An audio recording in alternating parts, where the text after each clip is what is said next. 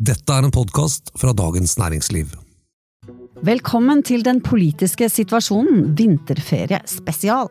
Jeg heter Eva Grinde og er kommentator i Dagens Næringsliv.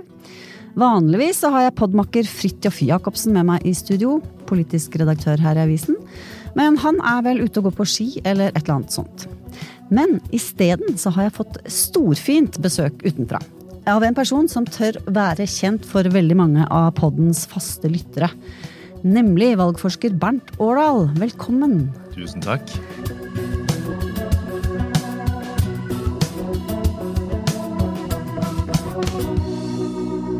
Du er jo statsviter, øh, professor emeritus ved Universitetet i Oslo, og har i alle de år holdt på og opplyst befolkningen og alle oss andre om valg, valgordningen, holdningsdannelse, hva som ligger til grunn for hva folk velger, offentlig opinion osv.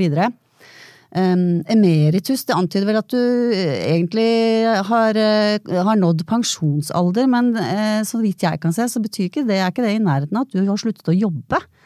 Nei, jeg driver og øver meg på å være pensjonist, sier jeg. Jeg har en sånn pensjonisttilknytning til mitt gamle institutt, Instituttet for samfunnsforskning. Og der er jeg med i, fortsatt også med i den gruppen som jobber nå med analyser av det siste valget, blant ja, annet. Mm. Sammen med Johannes Berg, som, nettopp, blant annet. Nettopp. Det er han som nå har overtatt som leder for det. Ja, nettopp. Men du, jo, du driver jo for det, holdt jeg på å si, det er jo blogg og årdalinfo.no og i det hele tatt? Ja da, og jeg driver for, tar foredrag og forelesninger osv. Og også. Så nei, men altså når du har holdt på med, med, dette i såpass mange år som jeg har, så har det ikke bare vært en jobb, det, det har også vært en genuin interesse. En, en, en, hobby, nærmest. Og det er klart at interessen for, for, politikk er også knyttet til dynamikken, til det som skjer av endringer. Og det gjør det jo sannelig, det skjer jo ennå.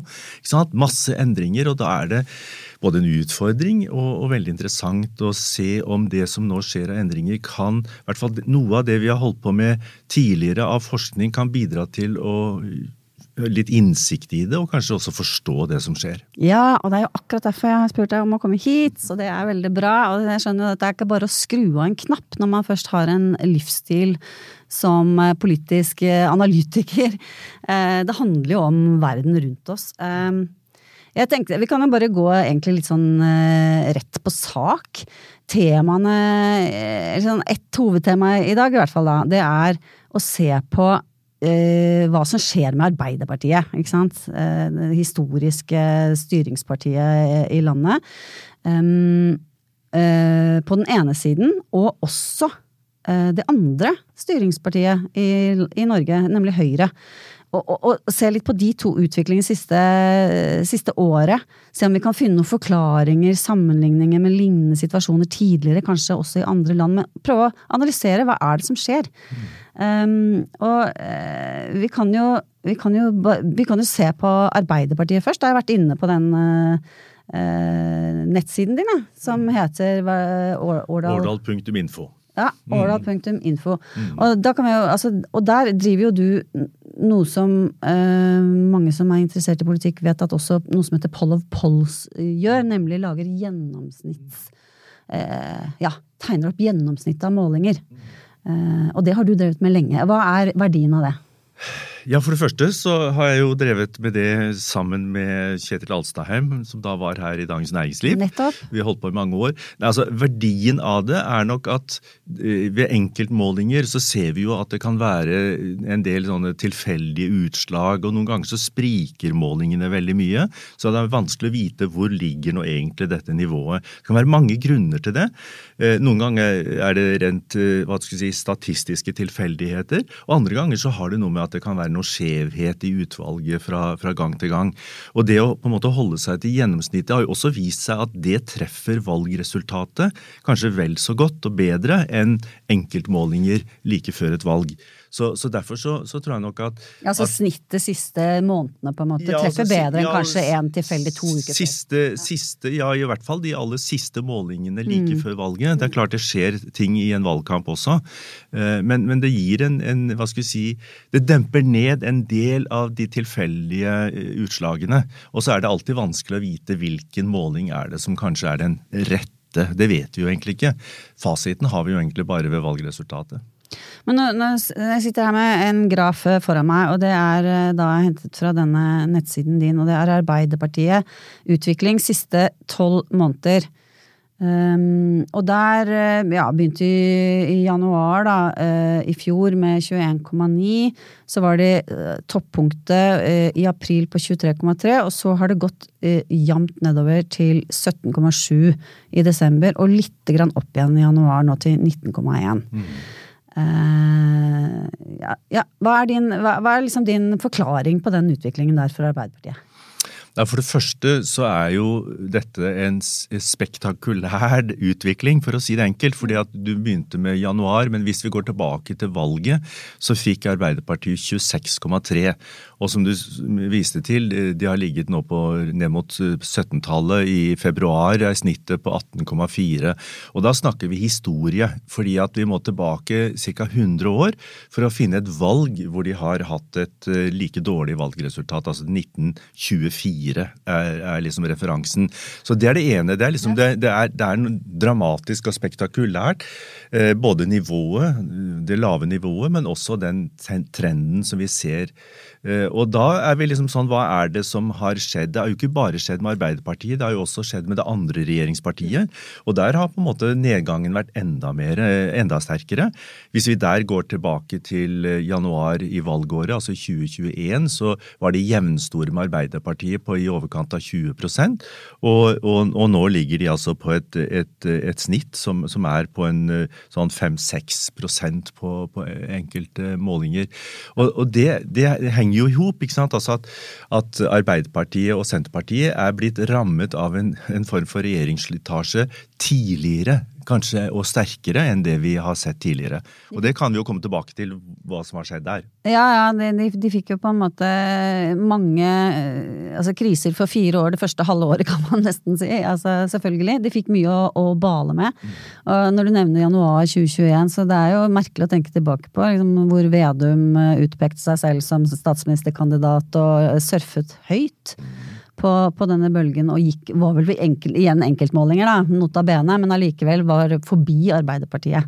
Mm. Og så så man jo vel at Arbeiderpartiet, i hvert fall har det sett veldig sånn ut, at de prøvde å kopiere noe av suksessen til Senterpartiet også i valgkampen. Mm. Men når du sier eh, at det har gått enda verre med Senterpartiet, så tenker jeg litt men Arbeiderpartiet har jo en helt annen historie. med liksom, tenk deg liksom fem, De var jo sånn 50% av alle i mange tiår, nærmest, til Gerhardsen. Ikke, ikke 50, de hadde aldri ja, okay, flertall. Ja. De, hadde, de, hadde, 48, og nå ja. i 57 som var det beste. Ja, ok, greit. Jeg overdrev litt der. Men altså, det, var, det har liksom vært det desidert største, eh, og, og Gerhardsen-æraen og alt dette. Eh, eh, altså Den endringen det partiet ser ut til å gjennomgå, kan jo også allikevel være mer fundamental enn den i Senterpartiet, som jo har vært et sånn 5-6 prosentpoeng-parti eh, i mange omganger før, eller?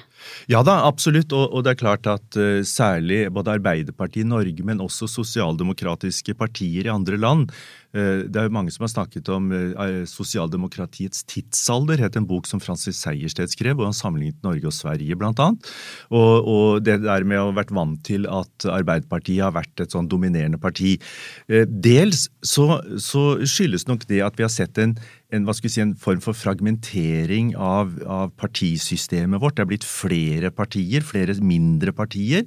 Og det handler jo også noe om at hva skal vi si, politiske konfliktstrukturen har endret seg. Altså fra denne mer sånn trauste uh, skillet mellom sosialister og borgerlige som man hadde i veldig mange år, og særlig Arbeiderpartiets uh, toppår på, på 50- og 60-tallet, så er det blitt andre typer konflikter, bl.a. knyttet til innvandring, knyttet til klima og og en del av de konfliktene splitter også de sosialdemokratiske partiene.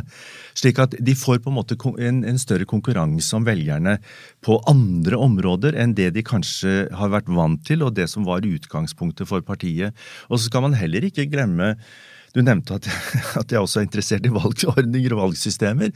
Det har også vært en del viktige endringer av valgordningen, og eh, særlig sammenlignet med 1950-tallet, som også har betydning for at det er vanskeligere selv for de større partiene å få den ekstra bonusen i mandater som, som Arbeiderpartiet hadde. Arbeiderpartiet fikk jo et flertall av stortingsrepresentantene uten noen gang å ha et flertall av folket bak seg. Ja. Så det er også en sånn endring som, som har, har, skjedd. Så er det jo de som da sier at ja, men sosialdemokratiets tid, og da snakker de også generelt, ikke bare i Norge, men i, i hvert fall i Vest-Europa, er over. Fordi at de var på en måte et klasseparti, som, og klassestrukturen har endret seg. Det er mobilitet, det er middelklassen som er blitt mye sterkere.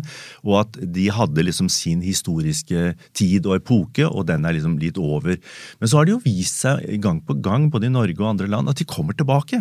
Ikke sant? Ja. Altså, det er noe som gjør at, at de, de favner jo egentlig ganske bredt de samler egentlig partier. Og det vi ser f.eks. I, i vår forskning, det er jo at både Arbeiderpartiet og Høyre skiller seg fra de øvrige partiene med at de har en forankring i mange flere saksfelt, politiske ja. temaer, enn de andre partiene har. Og dermed i mange flere ulike deler av befolkningen? Også det. Ja. Også det. Men, men, eh, men hva, hvor stor grunn er det til å tro at Arbeiderpartiet kommer til å reise seg opp igjen denne gangen? Det, er det på vei ned til et lite mellomparti, eller kommer det til å du liker sikkert å spå, som en god nei, forsker. Gjør, nei, nei, nei, det gjør jeg absolutt. Jeg vet du ikke gjør det. Men, eh, men, men, altså, jo, men det, det, er, det, noe interessant her, og det er at uh, vi mennesker, veldig mange av oss, har en sånn tendens til å tenke lineære endringer. Altså, Vi tenker at når det går nedover, så kommer det til å gå enda mer nedover. Går det oppover, så går det bare oppover.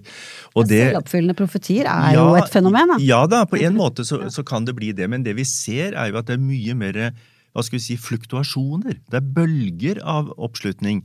Og hvis vi f.eks. går tilbake eh, litt til 2001-valget, som var et sånt katastrofevalg for, for, Arbeiderpartiet, så tok det bare fire år før de var tilbake igjen. Ja.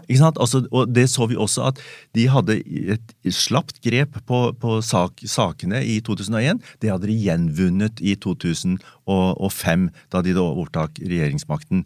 Men det som er det spesielle Så Det er i hvert fall historiske eksempler på at det, at det, går fint å komme seg tilbake? Ja, men det som nå er eh, et en utfordring for Arbeiderpartiet, det er at ved det siste stortingsvalget, altså i 2021, så så vi ikke at de hadde liksom hatt en sånn gunstig periode i opposisjon som gjorde at de både styrket sin oppslutning og også styrket sitt sakseierskap. Og det er nytt, for det gjorde de altså før valget i 2005. Det gjorde Høyre før valget i 2013. Det er der vi liksom kan se indikasjoner på at, at, det er ikke bare én sak eller noen ting, én velgergruppe de favner, men, men at de favner favne bredere.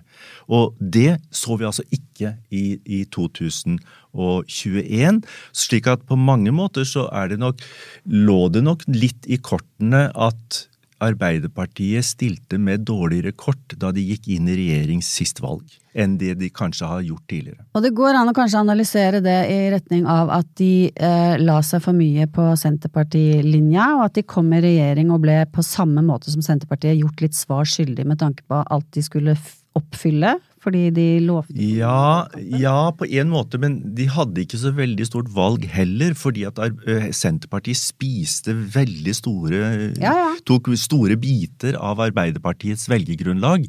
Og det er klart at Arbeiderpartiet har jo aldri liksom bare vært et sånn sentrumsparti. ikke sant? Ikke, de, de, har også vært veldig sterke og stått sterkt i De reduserte kanskje seg selv? ja, altså de ble kanskje litt mer sårbare. Mm. Men jeg tenker vel også at selve regjeringsdannelsen skapte ytterligere problemer for Arbeiderpartiet. Eh, fordi, mm, igjen, velgeranalysene viser at Arbeiderpartiets velgere de var veldig opptatt av klima og miljø og sosial utjevning det var særlig partiene til venstre for dem også, både SV og Rødt. Senterpartiet, der var, der var det distriktspolitikken. Mm. Men nettopp det at man ikke klarte å omgjøre det som ble sett på som et rekord, eller var et rekordstort rød-grønt flertall, til en flertallsregjering, det brakte med seg en, nesten en form for strukturell svakhet. Fordi at man åpnet flanken ikke bare mot opposisjonspartiene på høyresiden, det er jo vanlig ikke sant? at når man bytter regjering, så åpner man eh, for, for angrep fra, fra, de som da kom fra regjeringsposisjon, men denne gangen så åpnet man også flanken til venstre for seg, for SV og, og Rødt. Og det er det vi har sett på målingene nå i etterkant. altså Når vi ser på disse overgangsmatrisene, så har vi jo sett at, eh, at særlig i førstetiden så, så tapte de jo tapte også ved valget til de rødgrønne, andre rød-grønne partiene. Etter valget så har de altså tapt de velgerne som de fikk eh, vant fra, fra Høyre i 2021. I tillegg til Tilbake at man til Høyre. Tilbake til Høyre. Mm. Eh, og i tillegg til at man da på en måte blir angrepet nå både fra venstre og høyre, så har vi også sett noe annet interessant, og det er at det er åpnet en form for opposisjon og protest innad i både Arbeiderpartiet og Senterpartiet. Ikke sant? Lakseskatten for Senterpartiet, strøm osv. Og, så videre, og Nidaros, Det sosialdemokratiske forum, for Arbeiderpartiet. Ja, Men ikke sant, altså, du får på en måte de, Det er nesten som pinnsvinet Ludvig. At det, er nord, det blåser nordavind fra alle kanter. Ja. At det er veldig vanskelig å vite hvordan skal du komme ut av det. Det er virkelig problemer fra, fra høyre, venstre og internt. Ja. Eh, Men du snakket om dette, ikke sant? dette solide historiske bildet av det borgerlige versus det sosialdemokratiske og de to styringspartiene og så disse små som på en måte flokket seg rundt på ulike måter. Det bildet er jo i, i, i endring. Er det, er, det, er det riktig å si at vi heller eh, har en type mot, en hovedmotsetning mellom, mellom populisme og ansvarlighet? Går det an å si det?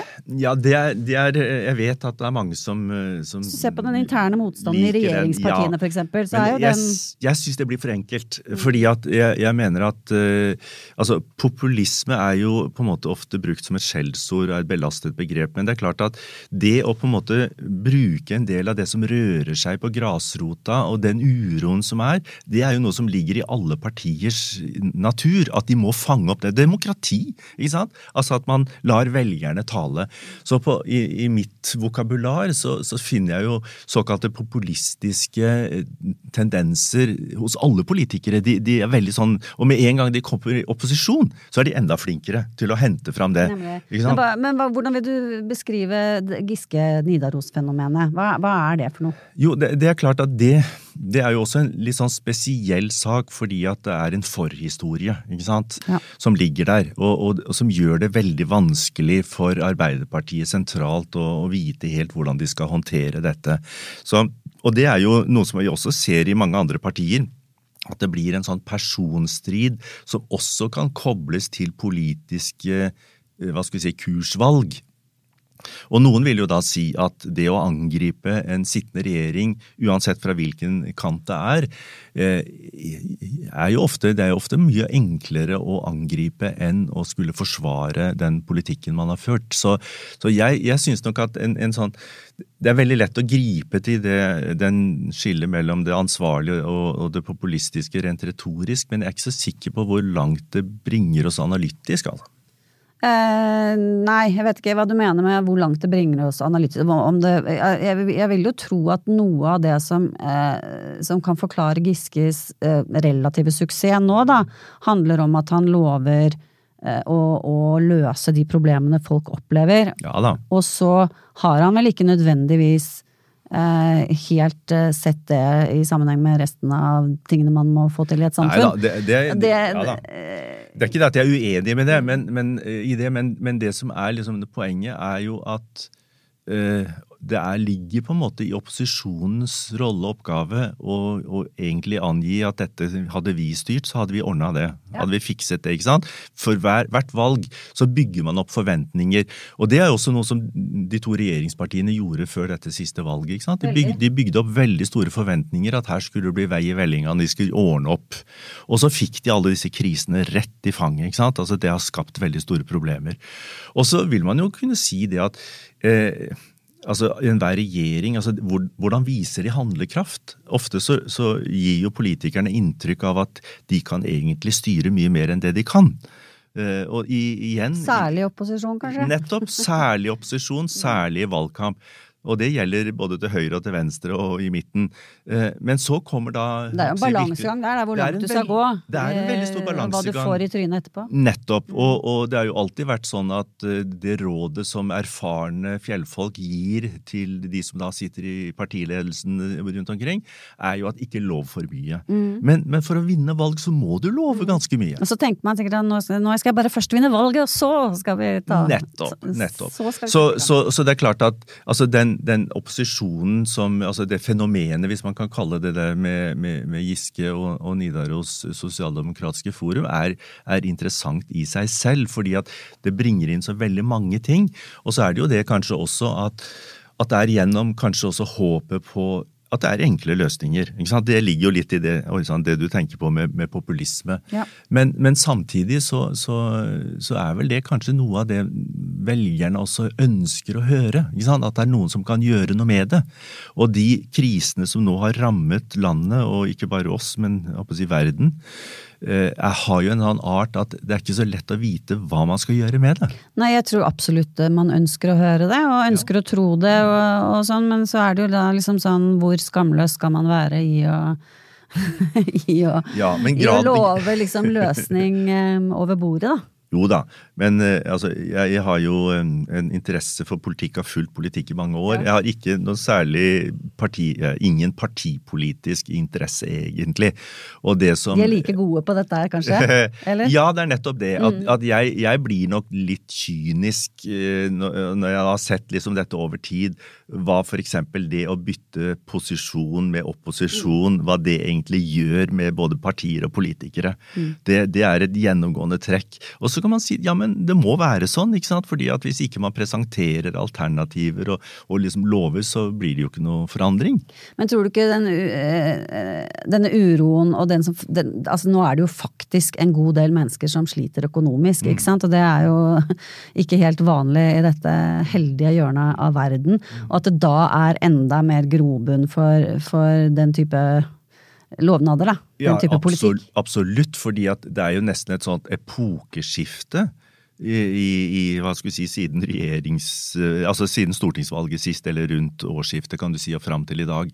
Eh, og som er en stor kontrast til det en sånn jevn, stigende velstand, og liksom sånn For så vidt også at man brukte mer oljepenger, ikke sant. Altså jeg husker Erna Solberg holdt et innlegg på et seminar som jeg var på for ganske mange år siden, hvor hun, hvor hun sa at noe av den grunnleggende utfordringen i Norge, i norsk politikk, det er at man ikke behøver å prioritere fordi at vi har denne oljeformuen. ikke sant? Så i andre land så har vi hatt mye Og det levde hun jo etter òg, hun.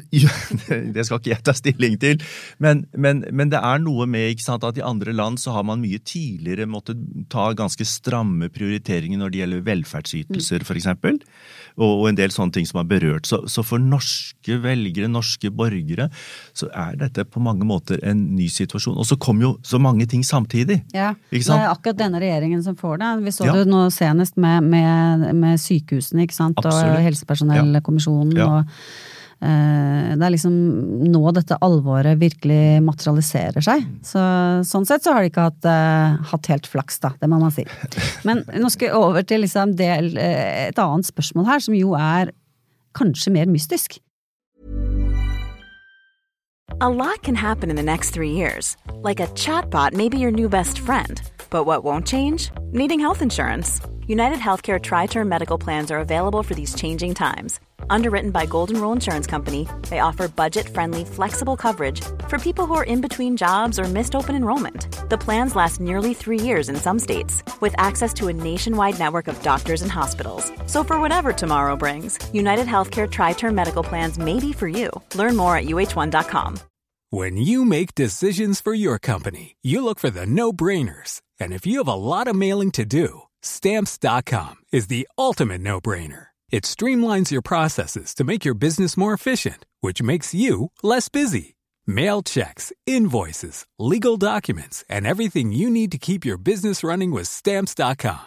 Seamlessly connect with every major marketplace and shopping cart. Schedule package pickups and see your cheapest and fastest shipping options from different carriers with rates up to 89% off USPS and UPS rates. And with the Stamps.com mobile app, you can take care of mailing and shipping wherever you are. Make the same no-brainer decision as over 1 million other businesses with Stamps.com. Sign up with Code Program for a four-week trial, plus free postage and a free digital scale. No long-term commitments or contracts. That's Stamps.com. Code Program. The secret to summer ready skin is here. Osea's number one best selling Andaria algae body oil, clinically proven to instantly improve skin elasticity and transform dry skin to silky, soft, and unbelievably glowing. Its signature scent of freshly squeezed grapefruit, cypress, and mango mandarin transports you to sun kissed summer days. Get healthy, glowing skin for summer with clean vegan skincare from Osea. Get 10% off your first order site wide with code GLOW at OseaMalibu.com.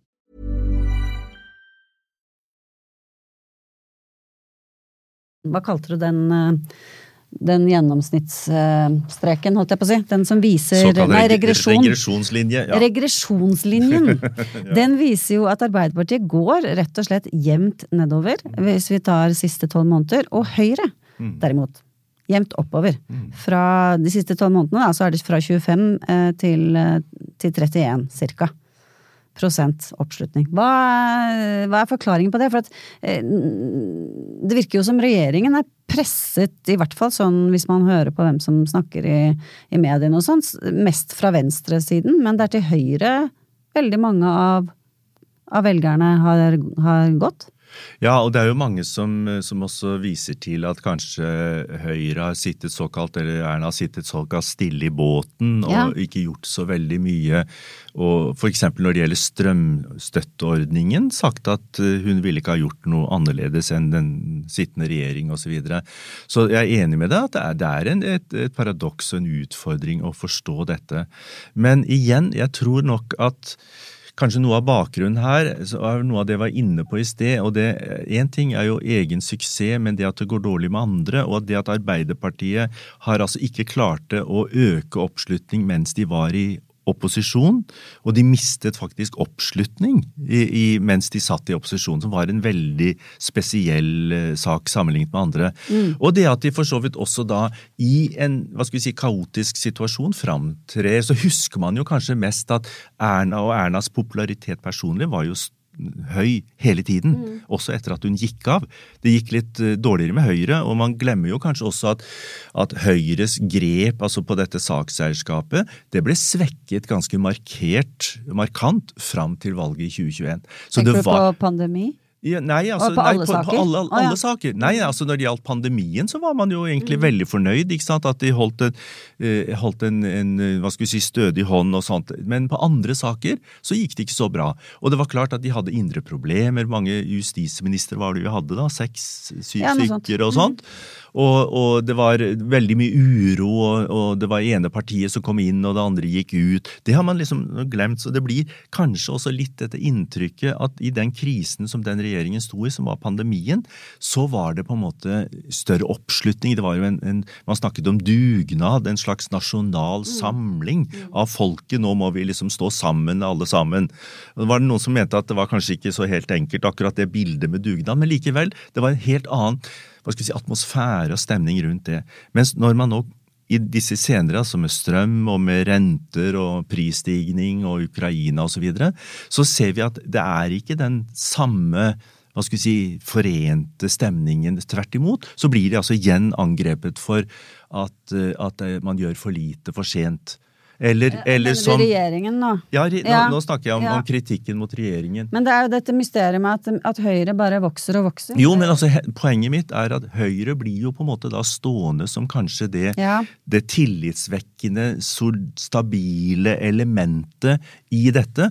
Og, og vi ser jo for så vidt også at Fremskrittspartiet har jo hatt også en, en, en, en viss framgang. Den har ikke vært så sterk som for Høyre. Gått litt opp og ned. Ja, det har gått litt Mm. opp og ned, men likevel så har de egentlig gjort det bedre enn de gjorde i, i, i perioder hvor de satt i, i regjering osv. Men det er interessant det der du sier at liksom den ideen da om eh, Jeg tror Erna Solberg har et image som veldig sånn solid. Ja. eh, ikke sant? Og hun var jo også eh, veldig påfallende god eh, til å være veldig rolig selv når liksom det rant ut med statsråder og full krise, så var hun liksom sånn så, eh, hun, Men, men, hvis man da ser på f.eks.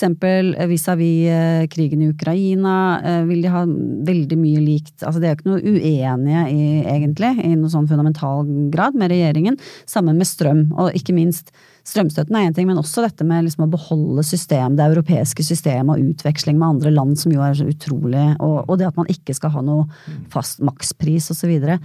sånn det høres jo ut som man eh, velger, velgerne er veldig liksom emosjonelt styrt. Da. Det er sånn derre å, det var noe trygt og fint da når vi alle sammen sto sammen i pandemien. Ja, det, det, det, der er litt interessant. ja. Fordi at det reiser litt sånn spørsmålet at du ser at det kan være ganske store bevegelser i velgerskaren når det gjelder oppslutning om partiene. Samtidig, når vi eh, si, kjører våre batterier av, av, undersøkelser og spørsmål, så ser vi at det er en betydelig grad av hva skal vi si, ideologisk politisk stabilitet under dette. Så, så det også, eh, helt enig med deg, altså at det er ikke nødvendigvis et tegn på en politisk kursendring, altså en ideologisk kursendring som ligger under, under dette, men kanskje mer Nei, Under Høyres. Under Høyres uh, veldig klare, klare, vekst, men at det kanskje har noe mer med nettopp dette her at det er en, ja, om ikke akkurat en emosjonell, så i hvert fall en, kanskje en litt mer sånn umiddelbar reaksjon på dette. Og nå skal man også være klar over at det vi ser speile seg i meningsmålinger, kan jo også være mye mer slå hardere ut enn det vi ser ved valg. For det er jo én gruppe som også gjør seg gjeldende i meningsmålinger, og det er de som kanskje i liten grad stemmer ved valg. Ja. Og det er jo nettopp en gruppe da som, som kan liksom la seg rive med av, av noen sånne form for stemningsbølger. Men jeg er enig i at Eh, dette her er jo litt sånn hva skal vi si, antagelser og, og, litt spekulasjoner på en måte, fordi at vi vet ikke så veldig mye Vi har ikke så veldig mye forskningsmateriale om det. Men vet vi hvor de kommer, den veksten til Høyre kommer fra? En, ja, en god del fra Det vet vi jo. Ja da. Altså, og, altså både fra Senterpartiet, spørsmål over tid, og fra fra, høy, fra, Arbeiderpartiet også, har vi jo sett i det, i det, senere.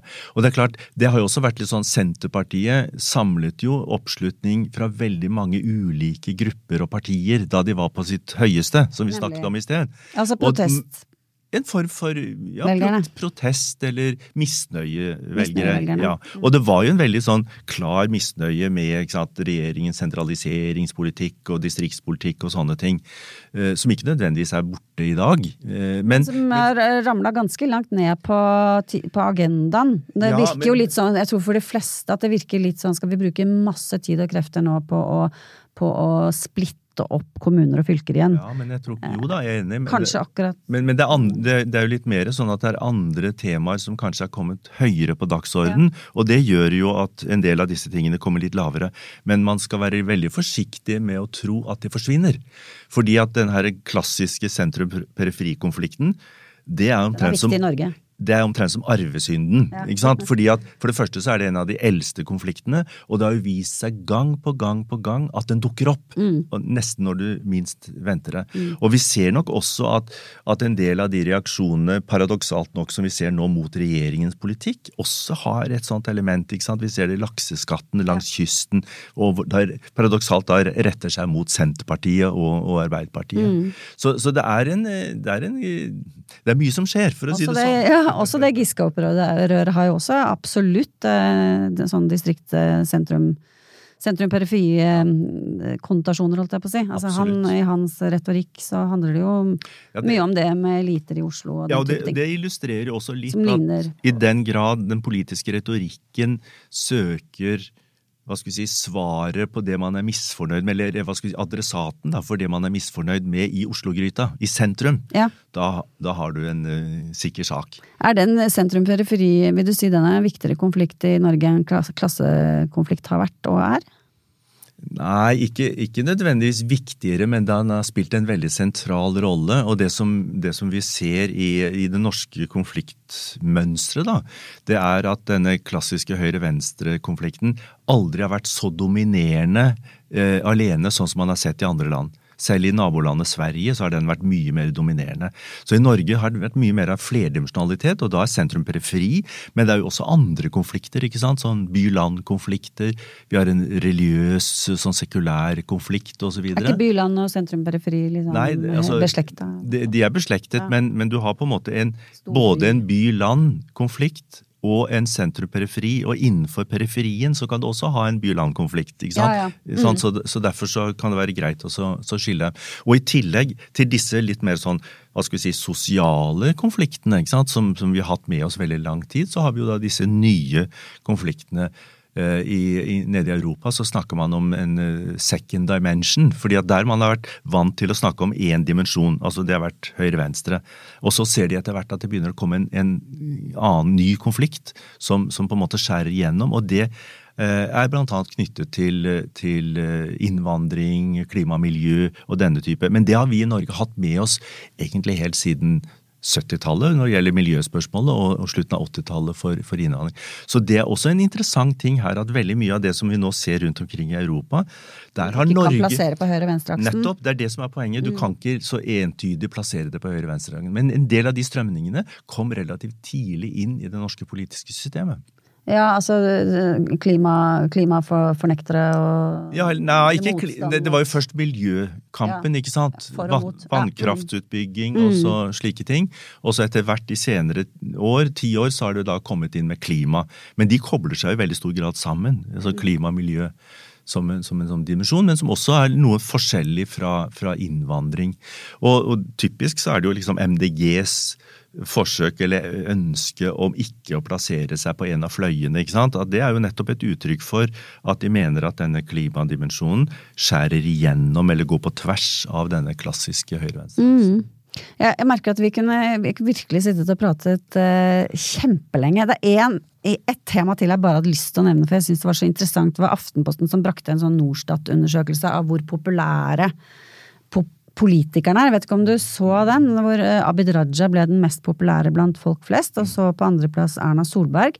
Og så tror jeg det var um, Mimir Kristjansson, uh, Olaug Bollestad og uh, ja, Emilie Enger Mehl. Det var liksom den topp fem, seks, eller noe sånt. Um, ja, for det første så uh, rimer det jo veldig dårlig, bortsett fra Erna Solberg, med partier som går bra. Så eh, hvor mye betyr profilering, for eksempel ja, berømthet i sosiale medier og sånn, for det er jo et fellestrekk med disse, disse som jeg nevnte. Ikke sant? De skriver bøker. Emilie Enger Mehl har vært med på realityshow og, og er veldig aktiv. Og vunnet. Og, og vunnet. Og, og veldig aktiv i sosiale medier. Eh, Olaug Bollestad, ikke minst, har jo et, et, helt parallelt liv med Mr. Larkin. Så ja, hva, hva, hva tenker du om det? Nei. Er, betyr ikke personligheter noe særlig? Det, det der er et veldig interessant spørsmål, og, og hvor, hvor jeg og vi som forskere eh, nok er ganske uenige med en del eh, hva skal vi si, PR-konsulenter og, og det slike. Kommunikasjonsspesialister. De skal jo leve av noe, de. Ja da, ja da. Men, men altså, poenget er nok det at jo, altså personer og lederegenskaper er helt åpenbart at det betyr noe, men antagelig mye mindre enn det man, det man også tror eh, ut fra den personlige populariteten. For vi har eksempel på eksempel på politikere som var veldig populære, og som, hvor partiet ikke fulgte med. Men så har vi også eksempler på at en, en, en eh, politiker på en måte kan øke sin popularitet også gjennom det at man fronter saker som velgerne kjenner seg igjen i. Så Eksempel, har du et ja, så, øh, Vedum var jo et eksempel i sin Ja. tid. ikke sant? Altså At, at oppslutningen og popular, hans egen personlige popularitet var veldig nært knyttet til at man så at Senterpartiet var, var på stigende kurs. Eh, Men så har vi også eksempler på, på, på det motsatte. De av, som husker Hanna Kvanmo, ikke sant? som var Norges mest populære politiker, i en, i en tid hvor det gikk dårlig med partiet hennes, ikke sant? SV. Så, så det er noe at det der samspillet er mye mer komplisert. Og så er det også kanskje også noe med at det norske politiske systemet, eller valgsystemet vårt, der er, i stortingsvalg da, er det jo ikke plass til personene. Vi har ingen mulighet til å påvirke valget av hvem det er. Hadde vi hatt en slik mulighet for personvalg, så, så ville nok kanskje dette kunne slå noe sterkere inn. Men, men antagelig selv da ikke så mye som man kanskje ville tro. Fordi at det er noe med at du må treffe nerven i det som rører seg i samtiden, og så må du også koble det til at dette er faktisk verdier og politikk som partiet ikke bare plutselig står for, men som mm. har stått for. Altså Du må ha en troverdighet i, i de politiske utspillene for å nå fram. Det er jo litt betryggende, da. At man bryr seg faktisk om sammenhengen mellom eh, person og politikk og saker, og, ja, og mer kanskje, enn man ja. Jeg er helt enig, og det som kanskje også er enda mer betryggende, som vi har sett i, i, vår forskning, det er jo at man kan jo av og til få inntrykk av at politikkens innhold ikke betyr noe. Altså, folk hopper og spretter av mer sånn følelsesmessige reaksjoner. Men det vi ser, er at når vi stiller et ganske stort batteri av spørsmål om altså politiske spørsmål, noen av de er relativt konkrete, andre er litt mer generelle, så så ser vi en betydelig stabilitet i disse holdningene på individnivå over tid. Altså det, det, det, er noen sånn, det er noen, Til tross for at velgerne skifter mye partier, så ser vi også at de skifter ofte til nærliggende partier. Eller i hvert fall partier som står for en politikk som de da også er opptatt av. Men betyr det at eh, hvis han på, på, på sånn um, folkenivå nå har blitt mer ustadig i våre personligheter? For det, det, det er jo større bevegelse nå enn det var før. Altså, det er ikke sånn ja, far min har alltid bestemt Arbeiderpartiet, og det Nei, da, det, og det er klart, der skjedde det jo eh, altså I forbindelse med folkeavstemningen i 72 så skjedde det jo virkelig et paradigmeskifte, annet i forholdet mellom velgere og, og, og parti for Arbeiderpartiet, kanskje spesielt. Nei, så det er klart at, at uh, velgernes tilknytning eller forhold til partiene er blitt mye løsere. Men så også mm, Verdispørsmålene er kanskje nei, mer konstante? Altså, ja, de er mye, mye mer stabile, ser det ut for, enn partivalg valget. Og det man også skal huske på, det er jo at partiene ligger jo ikke nødvendigvis så veldig langt fra hverandre. Nå har vi er det ti partier på Stortinget. Sant? Det er ganske mange å velge mellom. Pluss at det er noen kandidater som banker på døra. Så det er egentlig så kan du også se at du ser knipper av partier. Det er også en sånn idé Man snakker om partisett. Altså at man har liksom ett, to, kanskje tre partier som, som er aktuelle kandidater som du vil stemme på. Og, Nettopp. Og så vil da hvilket av de du velger, kan være da preget litt sånn at, at nå fronter da dette partiet en sak som du nå syns er, er, kanskje den viktigste. Fordi at velgerne er også opptatt av mange ting, men noen ganger så må de prioritere. Og det ser vi også veldig tydelig, at dette varierer fra valg til valg. Altså hvilke saker de prioriterer. Og det har igjen ganske stor betydning for hvilke partier som gjør det bra eller dårlig.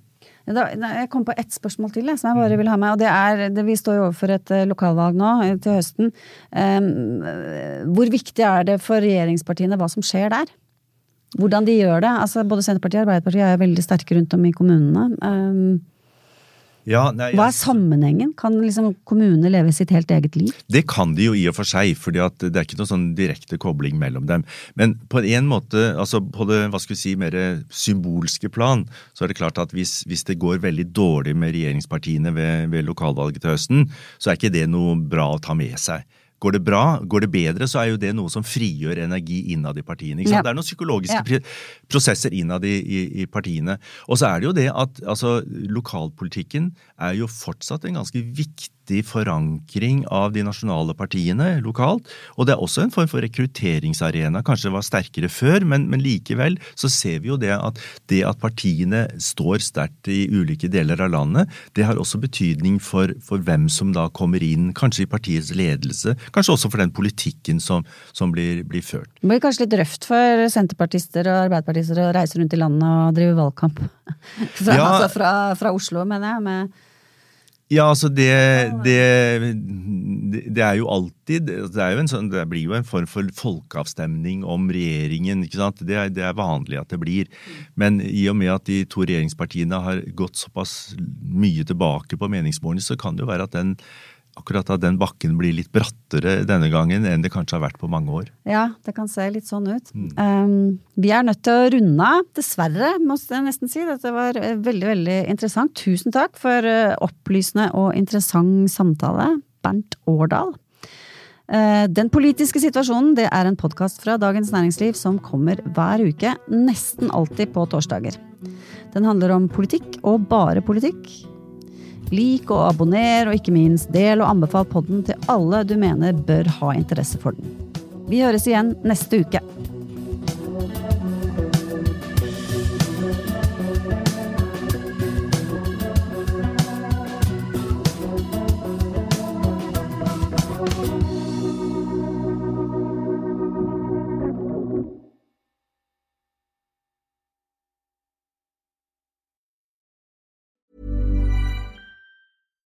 Hey, it's Paige DeSorbo from Giggly Squad. High quality fashion without the price tag. Say hello to Quince. I'm snagging high-end essentials like cozy cashmere sweaters, sleek leather jackets, fine jewelry, and so much more. With Quince being 50 to 80% less than similar brands. And they partner with factories that prioritize safe, ethical, and responsible manufacturing. I love that. Luxury quality within reach. Go to quince.com slash style to get free shipping and 365 day returns on your next order. Quince.com slash style. Du har nå hørt en podkast fra Dagens Næringsliv.